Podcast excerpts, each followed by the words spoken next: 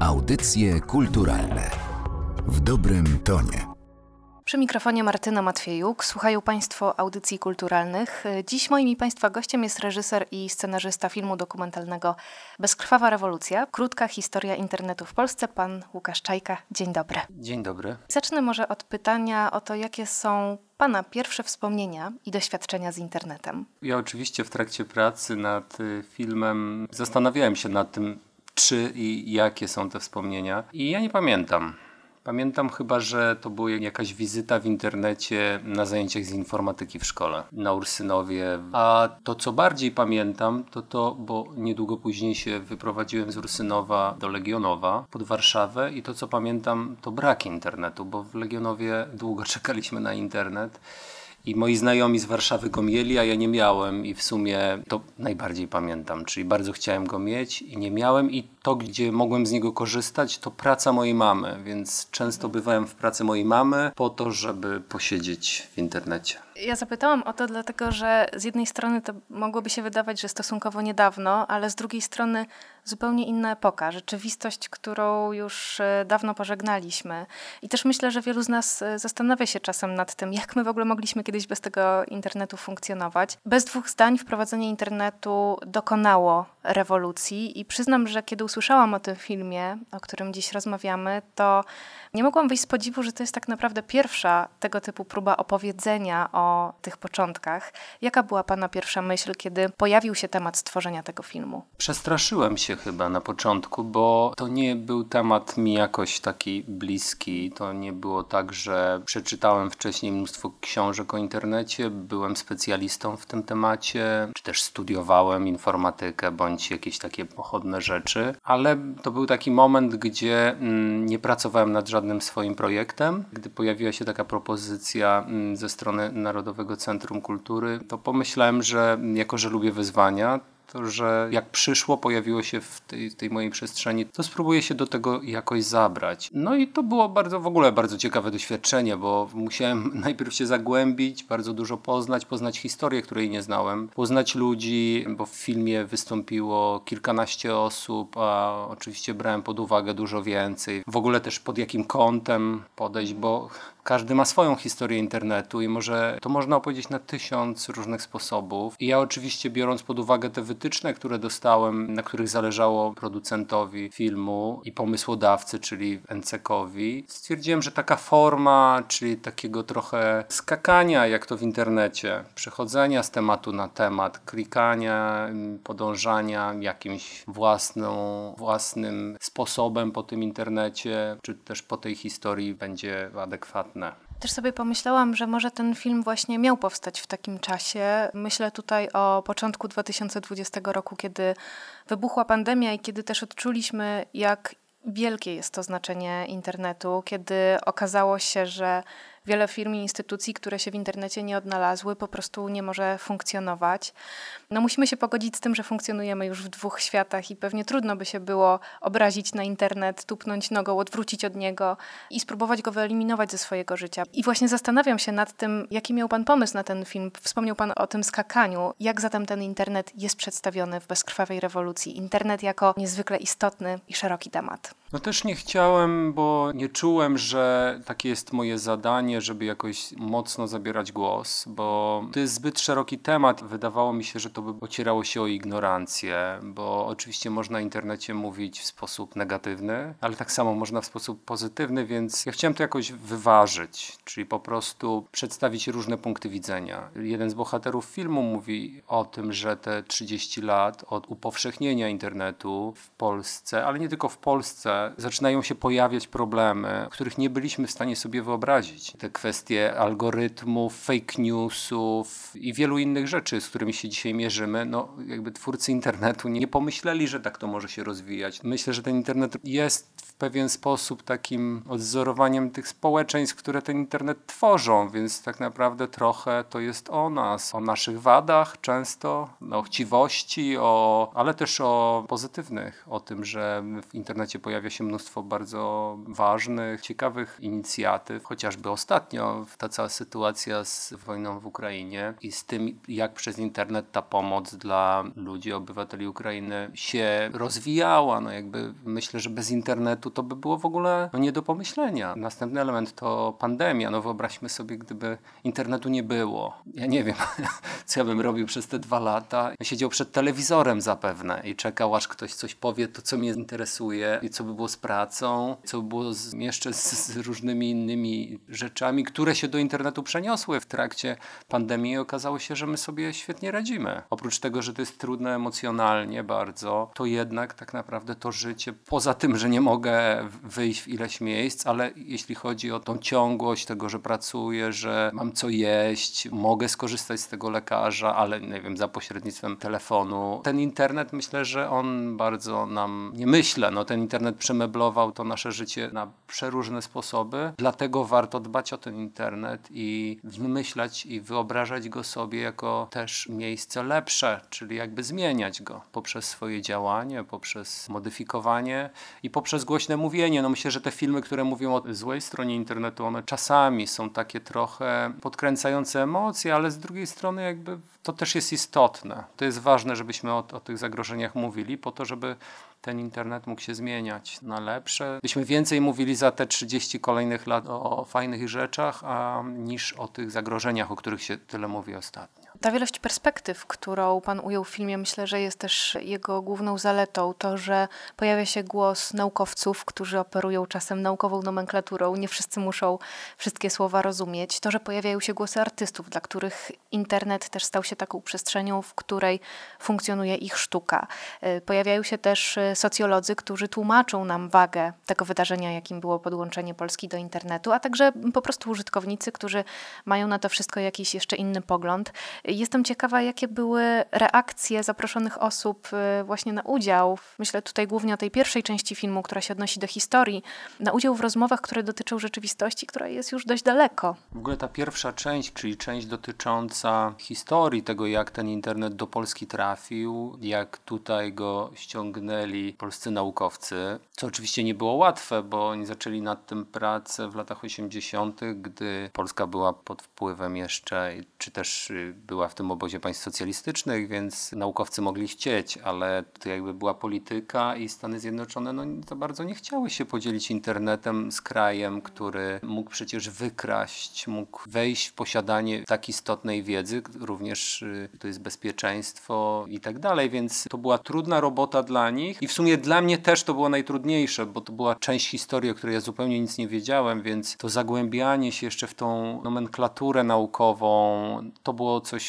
koszmarnego, ale sami panowie byli bardzo po prostu ciekawymi, inteligentnymi rozmówcami i, i też takimi cierpliwymi, często dla mnie, więc ja w ogóle się cieszę, że miałem okazję ich poznać, bo to właśnie to jest super w robieniu filmów dokumentalnych, że właśnie można wejść w takie różne dziwne przestrzenie, w których no, ja nigdy bym tam nie trafił, nigdy bym nie poznał tej historii, nie poznał tych ludzi, którzy jednak zasłużyli się nam tym, że ten internet najpierw na Wydział Fizyki Uniwersytetu Warszawskiego a później w kolejne miejsca przynieśli. Bardzo dobrze też, że ktoś dał im głos.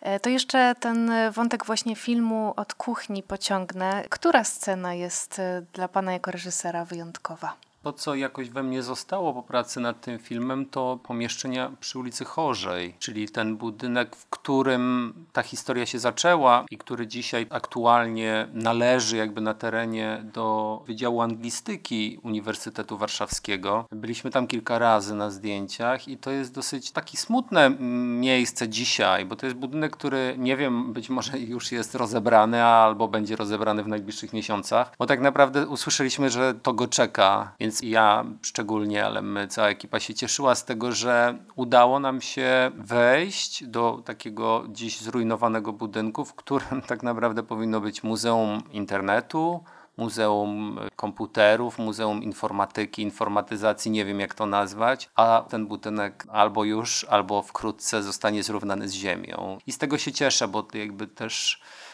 to jest chyba rola dokumentalisty, żeby trochę kronikarz, żeby uchwycić coś, co zniknie zaraz, a za 20 lat już nikt nie będzie wiedział, że tam coś takiego było. Więc to chyba było dla mnie istotne, że byłem w tym miejscu i udało nam się je jakoś zachować. Z chęcią bym się wybrała do takiego muzeum internetu. Moim chyba ulubionym momentem w filmie jest ten wątek dotyczący giełdy komputerowej, pierwszych pecetów, e, tego co jeden z bohaterów nazywa czasem pięknego chaosu. W filmie też znajdą Państwo sporo materiałów archiwalnych i zastanawiam się, czy też to było dużym wyzwaniem, żeby je znaleźć, wyselekcjonować, wpiąć w całą resztę. Czego wymagało od Pana stworzenie tego filmu jako całości? Oczywiście giełda jest dla mnie, to jest też moje wspomnienie bo ja jeździłem na giełdę. Znalazłem archiwa, które więcej były poświęcone tej giełdzie wewnątrz szkoły ja jednak pamiętam za dzieciaka y, bardziej tą przestrzeń obok szkoły, w którym się działo y, więcej niż w samej szkole. Zaczynając myślenie na temat filmu o internecie, wiedziałem, że chcę, żeby tam była giełda. Komputerowa, nie internetowa. Wydaje mi się, że to takie jest istotne, bo też pokazuje pewne początki takie jakby w społeczeństwie tego takiego jakiegoś przełomu technologicznego. Te komputery, które jeszcze wtedy internetu nie miały, ale ładnie to podkreślił jeden z bohaterów, który nazwał to takim internetem przed internetem, czyli miejsca, gdzie się spotykali ludzie, którzy się wymieniali dyskietkami te dyskietki wędrowały z tej giełdy do ich domów, później do ich kolegów, więc tak naprawdę te dane, tak jak dzisiaj pobieramy z internetu, wtedy pobieraliśmy z dyskietek zakupionych na giełdzie i to było to miejsce, gdzie się tym wymieniało.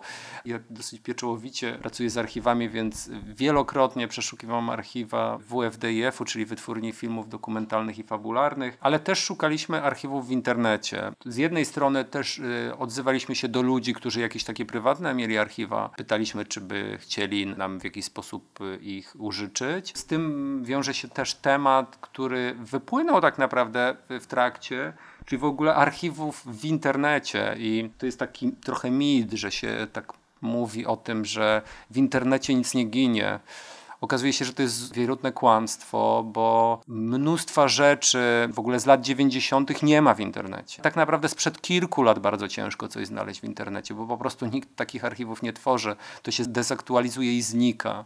Nie ma nic takiego jak y, archiwum internetu. Chociażby to się stało z tym całym portalem, na którym były zawieszone blogi, te polskie blogi w pierwszej dekadzie lat 2000. Jedna z firm, która tym zarządzała i na której y, serwerach to było, ona po prostu zrezygnowała zrezygnowała z wspierania tego systemu i z dnia na dzień tysiące blogów, które tam były, po prostu zniknęły. Jedna z bohaterek mi o tym powiedziała, Agata Endonowicka, która występuje w tym filmu, artystka, która mm, powiedziała, że ona miała dwa blogi. Jeden to był z ilustracjami, a w drugim pisała i mówi, że właśnie wyłączono ten serwis i ona z dnia na dzień straciła wszystkie swoje wpisy, a nie zrobiła sobie archiwów i już nie była w stanie tego odzyskać, więc to jest w ogóle ciekawy kontekst w myśleniu o tym, czy w internecie nic nie ginie. Myślę, że ginie większość, zdecydowana. Ja też jestem bardzo ciekawa, jaki będzie odbiór tego filmu w różnych pokoleniach, w różnych grupach wiekowych, bo ja odkąd pamiętam, w moim domu internet był dostępny i po prostu świat, który znam, to jest świat z internetem.